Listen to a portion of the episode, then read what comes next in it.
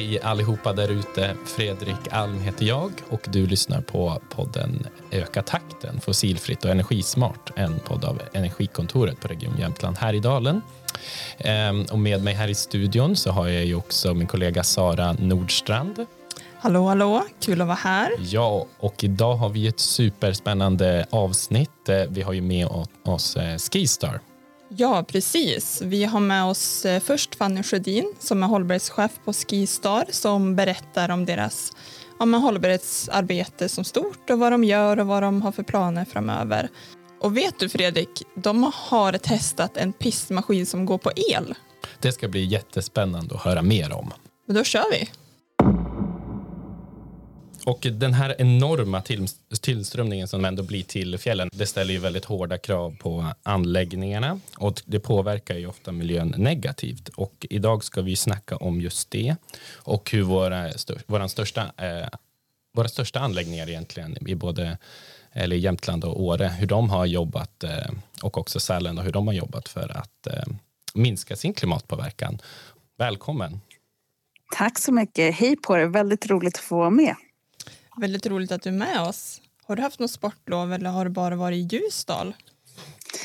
Ja, det har blivit en hel del Ljusdal och sportlovsladdning. Eh, sen har jag ju fördelen att bo just mitt på en av våra stora anläggningar i Sälen, vår destination. Så jag kanske inte haft direkt sportlov, men jag har nog haft en liten en lunchåkning här och där och njutit av backarna ändå. Vad härligt. Och för er lyssnare som inte riktigt vet vad vi pratar om så har Skistar i samarbete med Jämtkraft och Audi placerat ut tillfälliga snabbladdare i Ljusdal under sportlovsveckorna för att underlätta för att kunna ta elbilen till fjällen. Har det varit lyckat? Eh, ja, men det har varit väldigt lyckat. Eh, vi har haft väldigt många eh, glada gäster och passerande som har laddat på, på vår tillfälliga laddstation. Som det är helt rätt som du säger, vi har gjort det tillsammans med Jämkraft och Audi tillsammans och ställt ut eh, två stora laddkuber eh, som då har fyra laddpunkter i varje kub. Där eh, gäster som har varit på väg upp till fjällen har haft möjlighet att eh, ladda sin eh, elbil. Men varför är det viktigt för er att arbeta med hållbarhet? Hur började den här resan egentligen? Ja, men vår hållbarhetsresa började redan för, vad ska vi säga, ja, egentligen började Hållbarhet är väl i grunden i Skistar, ska, ska man väl säga. Redan när vi startades 1975 av bröderna Paulsson så var ju tanken att de skulle köpa ett rekreationsboende till sina anställda. Att de skulle få komma upp till fjällen och njuta av fjällmiljön och kunna röra på sig. Så det är liksom grunden till varför Skistar finns och det är också ett av våra viktigaste hållbarhetspelare att få människor i rörelse och få folk ut på fjället. Men utifrån ett mer klimatperspektiv så börjar vi verkligen vår omställning för sju, åtta år sedan då vi började ställa om våra pistmaskiner och vår fordonsflotta från fossilt drivmedel till eh, fossilfritt. Yeah. HVO 100 då, som många så kanske vet att det är fossilfri diesel. Men ja, nu sa du några konkreta saker ni har gjort de senaste åren, men vill du berätta lite mer? Vad ni gjort mer liksom konkret så? Ja, ja men vi började då vår resa där 2015 för att ställa om våra eh, pistmaskiner till fossilfritt drivmedel. Vi var väldigt tidigt ute där. Vi hade en väldigt engagerad driftchef här i Sälen som ni kommer få prata med lite senare i programmet har jag förstått, Per Granås, som drev det arbetet. Vi ju, har varit väldigt tidiga ute i den omställningen för vi ser just nu hur till exempel Alperna eh, börjar ställa om sina pistmaskiner eller andra destinationer runt om här i Norden. Så vi har verkligen varit pionjärer i den frågan. Så våra svenska destinationer började ju då ställas om till eh, HVO 100 redan 2015 och då var det en resa på ett par år framåt. Sedan från och med i år, det här, eh, den här säsongen, ställde vi även om alla våra pissmaskiner i Norge att drivas på eh, HVO 100, så fossilfri drivmedel. Och vi ser ju det här såklart som bara en del i resan. Det är första steget. Sen måste vi ju, vi är ju absolut inte nöjda här med att de går på fossilfri drivmedel utan nu måste vi ta det här vidare och titta på elektrifiering, titta på vätgaslösningar och andra, eh, andra möjligheter som kommer här i framkant. Mm. Men, Hur eh, ser ni det just på eh, HVO? Vi ser ju priserna skena egentligen på, på HVO. Vi vet ju inte hur det blir egentligen med skattebefrielsen fram, eh, framöver. Hur, hur tänker ni rent strategiskt? där? Du nämnde ju lite elektrifiering och sådär, men hur länge har ni råd att köra på HVO? Ja, ja men det är en bra fråga. Nej, men, om man tittar på Norge till exempel så har ju de inte den här skattebefrielsen som finns här i, här i Sverige. Så där har vi ju gjort en investering. Vi har ju sett att det är en klimatinvestering som vi behöver ta. Det är en, då, som ni säger en extra kostnad eh, som vi verkligen tror eh, som att vi behöver göra. Om man ser på grunden av Skistar, vad är det vi gör? Jo, men vi åker skidor. Vi vill, vi vill att snön ska finnas kvar. Så det blir väldigt viktigt för oss att jobba med klimatfrågorna. Och det här är då ett steg i det hela. Vad vi gör också, vi har ju till exempel implementerat eh, GPS-mätare på alla våra pistmaskiner, vilket gör att vi vet exakt hur mycket snö som ligger eh, i våra backar och hur mycket eh, snö det ska vara där för att det ska vara en bra pist. Och varför kan man fundera, varför är det här viktigt? Jo, men då producerar vi exakt så mycket snö som det behövs och behöver inte producera eh, mer och då behöver vi inte heller köra pistmaskinerna kanske eh, när vi lägger snö i onödigt mycket. Så det är också för en effektiviseringsfråga. Eh, och sen hur länge vi kommer köra på HVO? Ja, vi är ju Förra året till exempel, under våren hade vi den första elpistmaskinen här. Det var en mindre variant, men vi hoppas verkligen att kunna ha den i vår drift inom en snar framtid. Eh, och vi är i dialoger med våra leverantörer på just pistmaskinsidan för att se vad som är möjligheten framåt. Vätgas ser ju lovande ut. Vad, ehm, ja, du pratar ju ganska mycket nu här om vad ni har ändå för planer framåt och det är ju väldigt spännande. Eh, det, ehm, ehm, ni var ju också inne på det här med, ja, ni vill ju såklart ha snö i backarna för det måste ni ha ett aktivt klimatarbete. Och jag tänker ett transportsätt som är väldigt, eh, har väldigt stor klimatpåverkan är ju ändå flyget. Hur passar liksom den här flygplatsen i Sälen in på Skistars hållbarhetsarbete? Ja, men det får man ju titta på lite från olika dimensioner också. Eh, det är klart att flyget har en utmaning och att vi behöver ställa om den till också fossilfri eh, drivmedel eller eh, el, elflyg. Eh, vår flygplats här i Sälen är ju toppmodern och den är ju planerad för framtidens el, elflygplatser. Eh, när den byggdes eh, så byggdes den också för, om man tittar på social hållbarhet, våra eh, orter och landsbygden som vi finns här, både i Sälen och till Trysil. Det har gett de här eh, våra destinationer stora möjligheter att utvecklas. Det har varit nya vägar, ny brandstation, nya eh, polisstationer, ja, men allting som är kopplat till flygplatsen har ju utvecklats och det är ju, detta har också lett till nya arbetsmöjligheter. Eh, Så nu arbetar vi som en aktiv ägare i den här flygplatsen för att se till att den ska ställas om. Men sen finns det ju också när eh, drivmedel, en, någonting som flygbranschen jobbar för. Eh, och vi alla behöver jobba för. Man måste fundera på att ja, men, vilka flygresor behöver jag göra? Hur kan jag bidra till att det ska bli en hållbar flygresa. Det finns möjligheten att köpa till eh, den liksom biobränslet vid varje köp och jag tror att där finns det en kunskapshöjning som vi kan jobba på och visa på att det, att det är positiv effekt att lägga till de här extra kronorna.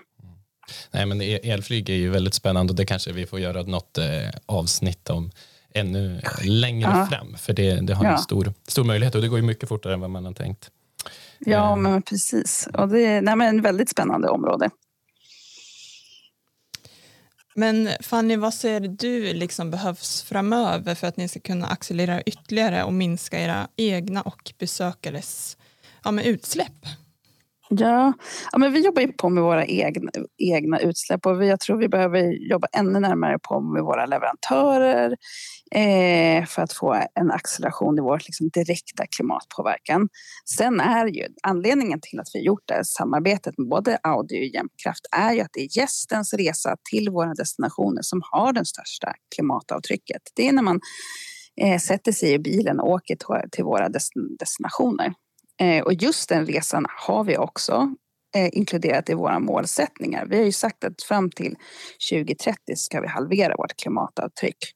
Eh, både vårt direkta klimatavtryck, så det vi själva eh, kan eh, förändra och sen även vissa delar av vårt scope 3. Och då den största delen av vårt liksom, indirekta klimatavtryck där vi egentligen inte direkt kan göra några förändringar är just resan till våra destinationer.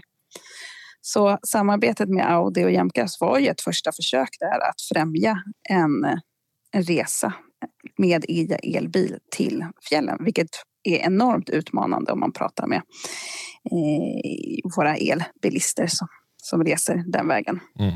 Absolut, det är ju liksom resan upp från oftast söderifrån och eh, till mm. destinationerna som kan vara problemet. Men man måste ju också ha laddning när man kommer fram till sin destination. Där kanske ni ändå kan vara med och, och hjälpa alla boenden eh, som finns där ute och fixa laddning. Jobbar ni något med, aktivt med det?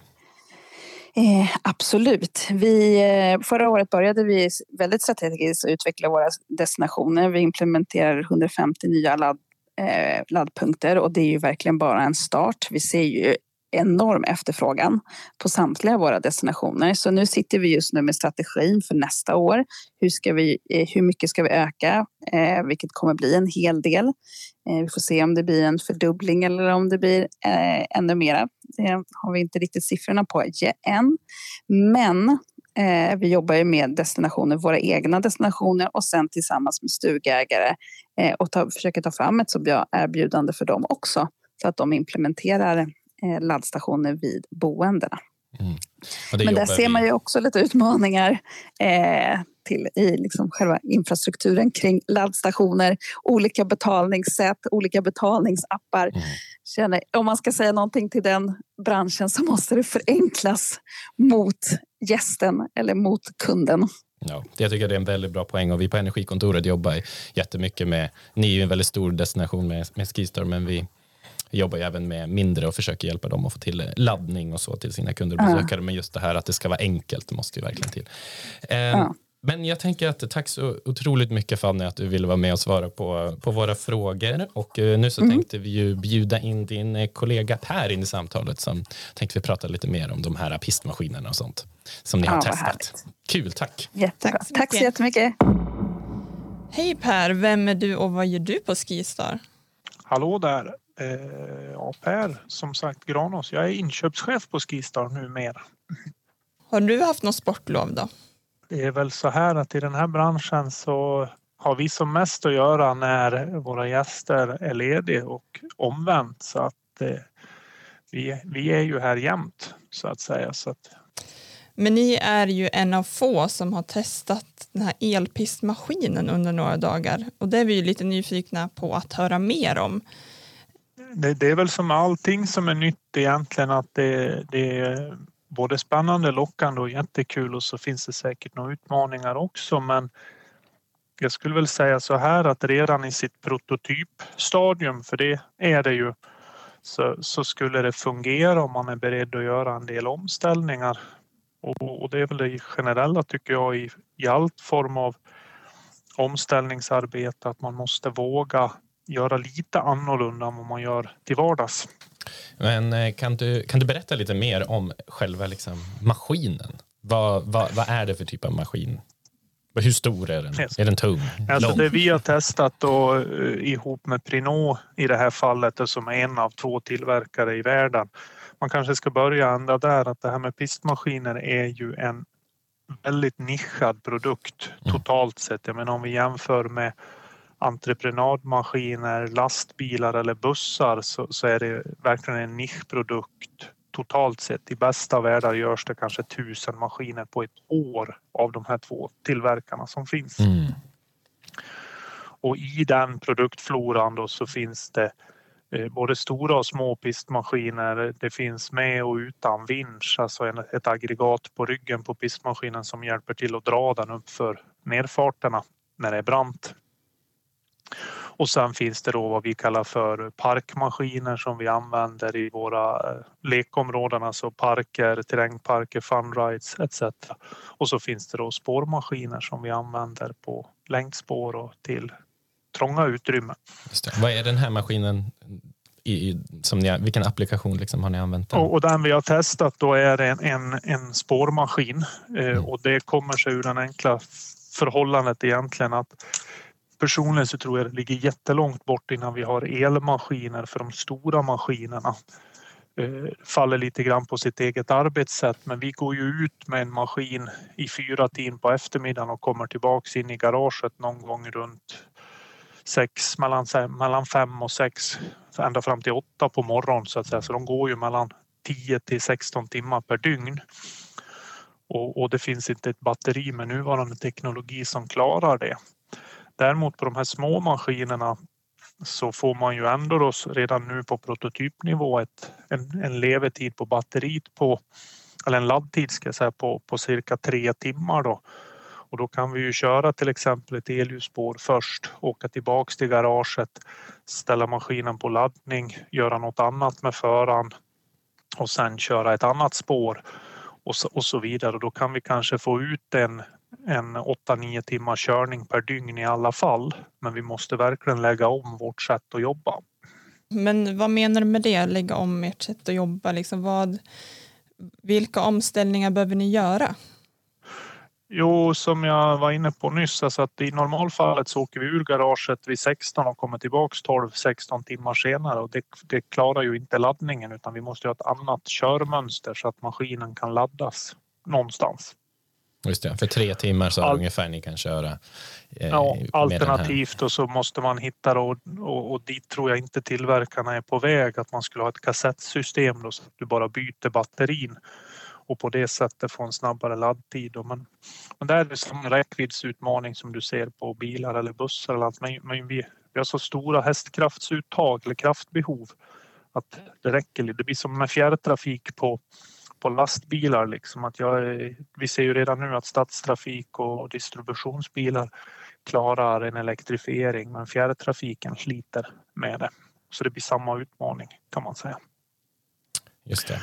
Nej, men, eh, men, så... Att, eh, men, men, vi är övertygade... Eller ja, förlåt.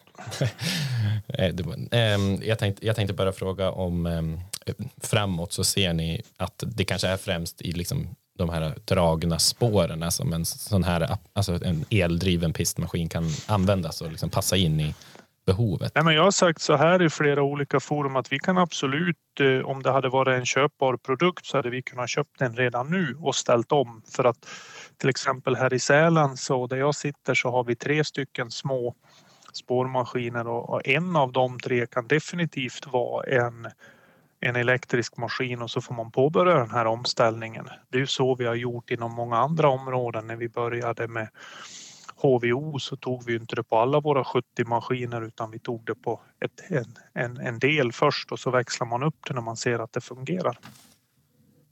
Men du måste våga börja. Ja, precis. Hur, eh, de som tillverkar de här pist, eh, pistmaskinerna, du nämnde ju eh, två olika märken. Hur, hur är er dialog med dem för att liksom påverka utformningen av de här pistmaskinerna som passar liksom era, era behov? Nej, men vi, vi ligger ju, skulle jag säga, i framkant på det. Då. Skistar är ju ett stort bolag i en liten bransch, då, eller hur man nu ska uttrycka det. Men vi är ju en av de här två leverantörernas största kund Eh, totalt sett på en världsmarknad så att vi har en väldigt stor påverkan där och täta samarbeten både runt elektrifiering och även kommande vätgassatsningar och så vidare så att vi ligger väl i framkant där skulle jag säga. Just det. Ja, du nämner ju vätgas där. Är det liksom ett, ett eh, alternativ Eh, som, som ni ser kan komma liksom på, på pistmaskinssidan? Ja, för de här mm, fordonen med ett stort kraftuttag så, så är det nog sannolikt vägen att gå. Sen om det blir i formen av en, en eh, bränslecell eller i formen av en förbränning av vätgas direkt via en combustionmotor eller något. Det, det får väl framtiden utvisa lite men vi ligger ju med där i lite olika projekt för att säkerställa tillgång på, på vätgas så att vi kan köra på det om det blir aktuellt. Just det. Eh, hade ni några, eh, jag tänker ni körde ju den här bara några dagar va? men jag tänker fick ni någon, några reaktioner från era besökare att ni testade den? Ja, alltså den är ju helt tyst. Det är ju som när du byter från en, en fossil bil eller, eller från ett fossilt fordon, vilket som helst, till en elektrifierat fordon. Det är tyst och det är rappt. Och, så, så jag tror att uppskattningen är, var ganska stor och på förarsidan och så vidare så är det en ökad komfort och maskinen är trevlig att köra så det ser vi redan nu. Mm. Eh, om vi blickar lite, lite längre fram då. Ni har ju andra arbetsmaskiner som ni använder av tänker jag. Ja. Förutom pistmaskin. Hur, Eh, vad ser ni där? Vad, vad, skulle kunna elektrifieras där eller köras på andra bränslen? Eh, det som ligger väl närmast eh, till hands egentligen är väl två saker. Det ena är att titta på en elektrifiering av någon eller några av våra snöröjningsfordon. Men det är samma sak där att det kommer att bli lite mindre maskiner, de som går på gångvägar och, och in i stugbyar och så, så hjullastare kanske upp till 5-6 ton. Eh, där bland annat Volvo har elektrifierade eh, lösningar så det ska vi testa och sen den, den riktigt stora saken som tyvärr av både pandemi och halvledarbrist har dragit ut lite på tiden. Men det är ju elektrifieringen av skotrar som vi ser med stor spänning fram. Just det, ja, för det, där sa ju vi också väldigt. Eh, vi försöker jobba lite grann med elskotrar just. Um, och eh, ser på med stor liksom, vad ska man säga, tillförsikt framåt för att eh, ändå också jobba med dem. För de, eh, de, de släpper ut ganska mycket, de skotrarna. Och det blir lite bättre miljö med. Nej, men det, det är samma sak där runt det här med räckvidd. Då, att fast här talar det till oss istället att om våra pistmaskiner har ganska långa körpass så en elektrifierad snöskoter kanske inte är för någon som ska ut på fjällräddning och åka 10 mil ut i fjället åt ett håll och ha lika långt tillbaks. Vi åker ju företrädelsevis inne i en anläggning och kanske åker en kilometer eller två och sen står vi still i anslutning till en lift eller en verkstad eller något så att vi har ju väldigt enkelt att komma åt laddning och laddinfrastruktur. Så att här är inte alls räckviddsproblematiken som, som den är runt de här lite större fordonen. Så att får vi bara verifiera att de här klarar ett antal kilometrar eh, så, så är jag helt övertygad om att vi kommer att kunna fullfölja våra optioner och våra, vår satsning då och gå ganska tungt in på antalet e-, elektrifierade skotrar. När, när, när blir det här då? När ser man dem i systemet? Ja, jag har sagt att det skulle ha varit redan för två år sedan så att det, jag är lite försiktig med hur jag säger men i bästa världar nu innan snön försvinner innevarande år. Ja, Gud vad roligt. Eh, du nämnde ju också den här snöröjningsmaskinen men då, då tänker ni er då elektrifiering där eh, på vissa bitar men då är det liksom mindre ytor egentligen som, som det passar sig för kanske för att snöröja? Nej, mindre maskiner. Ja. Alltså det, det, det är kraftuttaget som styr det. För tillbaks till pistmaskin, alltså en pistmaskin väger, en fullstor pistmaskin väger någonstans mellan 8 och 10 ton. Och för att klara att driva den då i 10 timmar så skulle du behöva en batteripack som är lika stor. Och då blir det liksom, det faller på sin egen orimlighet. Eh, och, och, och, det blir lite grann samma sak och då, då förväntar man ju nästan motfrågan av dig. Ja men en gruvtruck liksom, den kan ju väga 80 ton och ändå vara mm. elektrifierad. Mm. Ja, men det gör inget om den väger 90 ton. Är du med? Alltså mm. du kan haka på en batteripack på det och ändå få det att funka. Det, det är tufft på både på en hjullastare och en pistmaskin eftersom den inte kan bli hur stor som helst för då kan den inte göra det jobb den är tänkt för. Det finns ju inte en lösning på att, att nå en, en fossilfrihet eller en, en, en, en bättre totalsituation utan det kan vara HVO, det kan vara elektrifiering, det kan vara vätgas eh, och så vidare. Sen är det naturligtvis för alla och en var. Det är ju en minskad körning. Den största besparingen är ju det du inte kör. Så det måste man alltid jobba med och liksom vara effektiv och då är det till exempel då det vi har jobbat med i 10-12 år redan. Det, det är ju då snödjupsmätning och körmönster som, som monitoreras precis hela tiden. Så att till exempel då vår, vår stora användare av bränsle, det vill säga pistmaskinerna, kör så effektivt som möjligt. Så det är inte en lösning. Men väldigt spännande och ska bli väldigt intressant att ta del av de här testerna framöver. vad, hur det går? Ja, alltså det, ibland så går det bra, ibland går det mindre bra, men man må ju våga prova och, och där kan ju vi då verkligen gå i framkant utifrån det bolag vi är. Då. För det är klart att allt kostar och, och jag hoppas vi med våra exempel kan visa på att det går och att även mindre skidanläggningar eller mindre bolag också kan och törs. För det funkar faktiskt. Mm. Men om man tar liksom liknelsen till exempel med, med, HVO. När vi började med det så fanns det inte en motortillverkare som godkände det och sa att det var okej. Okay. Men det har, vi har inte haft ett motorproblem sedan 2016. Så det funkar ju. Mm. Men eh, tack så mycket Per för att du var med oss. Väldigt intressant ja. att höra som sagt era satsningar och vad ni gör. Tack så mycket. Det är många veckor kvar så att än blir det några svängar till. Ja, den, den bästa tiden är ju faktiskt kvar, vårvintern. Femte årstiden nu. Exakt. Men eh, vill ni där ute höra mer om arbetsmaskiner som kan användas i fjällmiljö som har lägre klimatpåverkan så har vi ett tips till er alla. Eh, det är så att du och jag Fredrik arrangerar en, eh, ett webbinarium den 3 maj med fokus på just fossilfria arbetsmaskiner. Där ska ju också Skistar som ni nyss har hört vara med tillsammans med många andra. Däribland Prinå som har de här äh, med elpistmaskinerna. Det blir väldigt kul. Mer information om detta finns på Energikontorets hemsida. Länken finns i poddbeskrivningen. Jättebra att du tog upp det Sara. Det blir superkul att höra flera goda exempel på hur vi kan eh, eh minska våra utsläpp i, i fjällen och kopplat till arbetsmaskiner. Eh, glöm inte att eh, prenumerera på den här podcasten och eh, nästa avsnitt. Det kommer sändas på skärtorsdagen och den kommer handla om hur vi kan ändra vanor och beteenden när det kommer till våra resor till och från jobbet. Eh, alla kanske inte har en busshållplats utanför dörren eller så går bussen en gång per dag.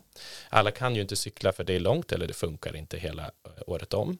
Men det kanske går att ändra delar av sin ressträcka till mer koldioxidsmarta alternativ. Och i nästa avsnitt så får du höra om länsbor som ställt om till ett mer hållbart resande. Och eh, vi pratar, de pratar även kring hur vi människor reagerar på förändring och vad som påverkar våra vanor och beteende. Så jag tycker att det låter, väldigt, det låter som ett väldigt innehållsrikt avsnitt. Eh, Verkligen. Ja, så att eh, missa inte det. Ja, Fredrik, var hittar man vår podd då?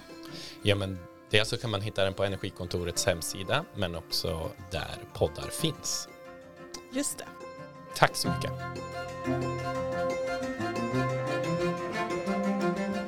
Glöm inte att prenumerera på podcasten Öka takten för att inte missa nästa avsnitt. Det här avsnittet har finansierats av Europeiska regionala utvecklingsfonden, Region Jämtland Härjedalen, Biofuel Region och Länsstyrelsen i Västernorrlands län.